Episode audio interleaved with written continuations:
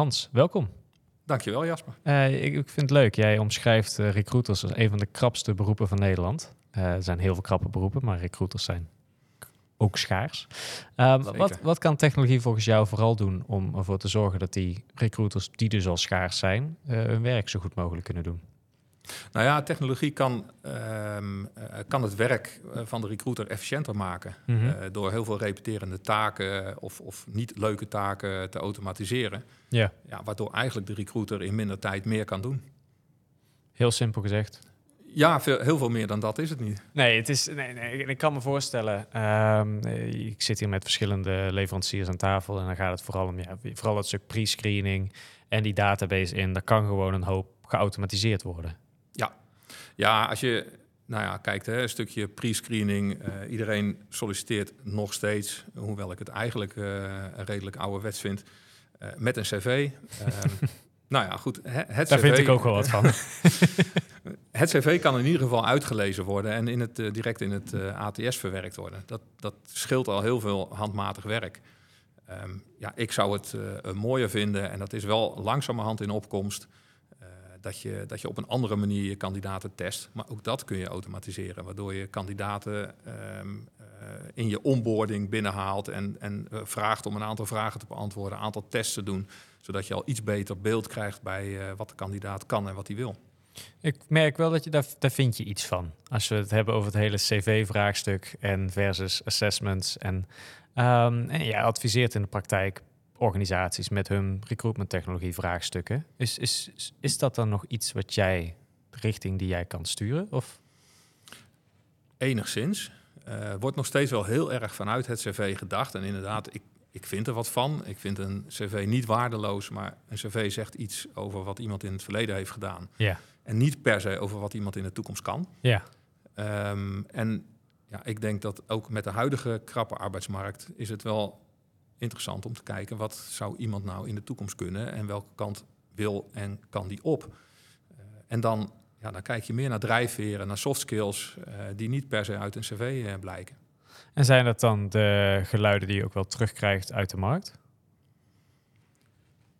dat zijn de geluiden die je vooral terugkrijgt vanuit partijen die proberen voorop te lopen. Uh, het, ik, ik vind nog steeds de recruitmentmarkt heel erg traditioneel. Oké. En, en denk nog heel erg vanuit het cv. En nou ja, goed, ik, ik wil mezelf geen missionaris noemen, maar ik, um, ik probeer wel langzamerhand uh, een beetje te sturen van nou, kijk nou ook eens naar andere zaken.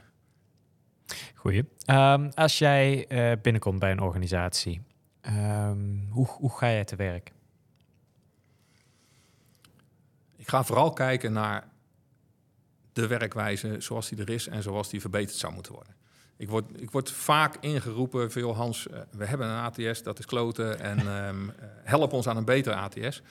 Uh, maar uiteindelijk is de, de vraag achter de vraag meestal help ons om onze recruitment te verbeteren. Ja. En dat kan ook zijn door beter gebruik te maken van je huidige ATS. Uh, want er, is, er zijn niet zo heel veel slechte ATS'en, maar er is wel heel veel slecht gebruik van ATS'en. Waar zit hem dat dan in? Worden recruiters niet voldoende meegenomen in het proces? Zo'n ATS, hè, nou, wordt gekozen voor een ATS. En nou, smart recruiters. En uh, nou, leuk, daar gaan we iets mee doen. Maar worden die recruiters niet meegenomen? Waar, waar zit hem dat in? Uh, dat, is, dat is een van de belangrijkste valkuilen. Een stukje, een stukje draagvlak.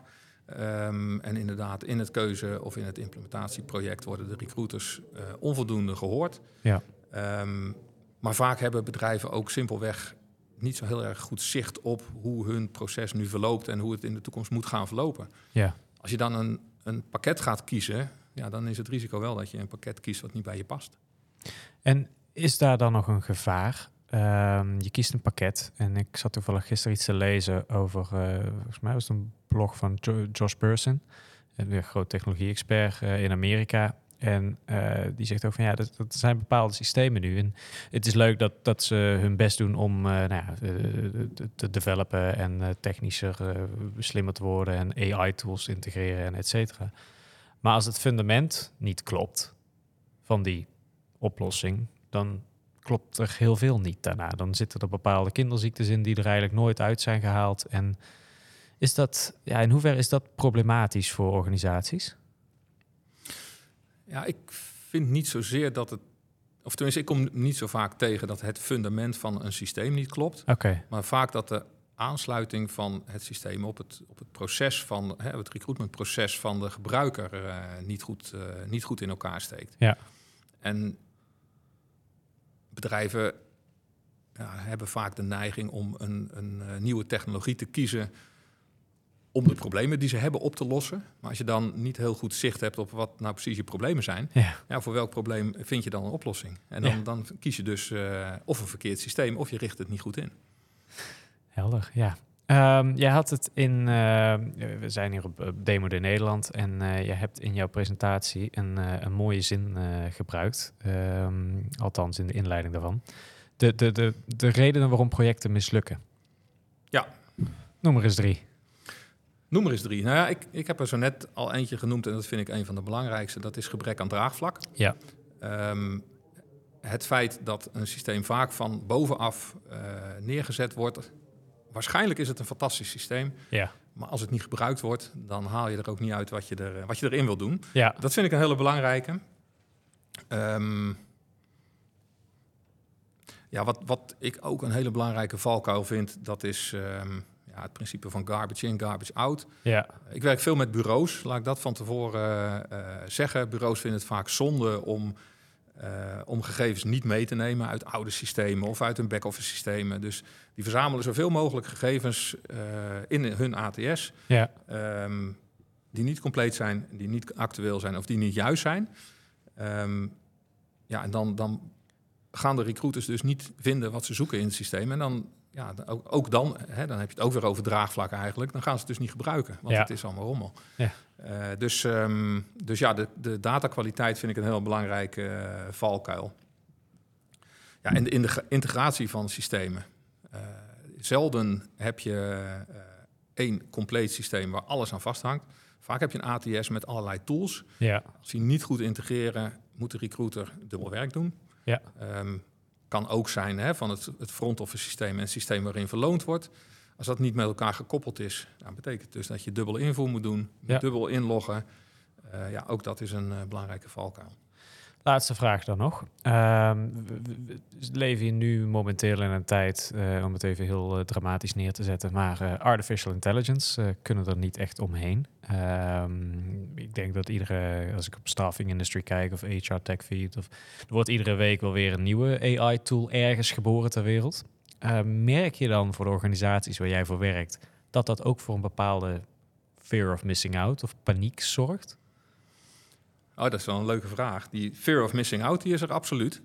Eh, we moeten iets met AI. Ja, Ehm, net zoals dat we vroeger iets moesten met internet. ja, Sorry, ik eh, begin al grijze haren te krijgen. Dus eh, die, die tijd heb ik meegemaakt. En dan krijg je allerlei oplossingen die leuk zijn om te hebben, maar waar je eigenlijk niks aan hebt. Maar ik denk wel dat die AI ontzettend hard gaat en dat het langzamerhand echt een meerwaarde gaat, gaat leveren voor het, voor het recruiten. En waar denk je dan dat dat vooral in zit, de meerwaarde? Ik- weet dat AI en het matching en je hebt diverse toepassingen, maar waar, waar denk jij dan dat het vooral een toegevoegde waarde in gaat zijn? Ja, het heet al gauw AI overigens. Hè? Klopt, Ehm, ja. eh, maar goed, ehm, ja, ik zie nu de toepassingen in bijvoorbeeld vacatureteksten. Ja. Eh, en ik geloof er niet in dat je je vacatureteksten 100% door AI moet laten schrijven. Ja. Maar ik geloof er wel heilig in dat je een hele mooie inspiratie kan hebben aan, eh, aan, aan datgene wat AI je kan bieden.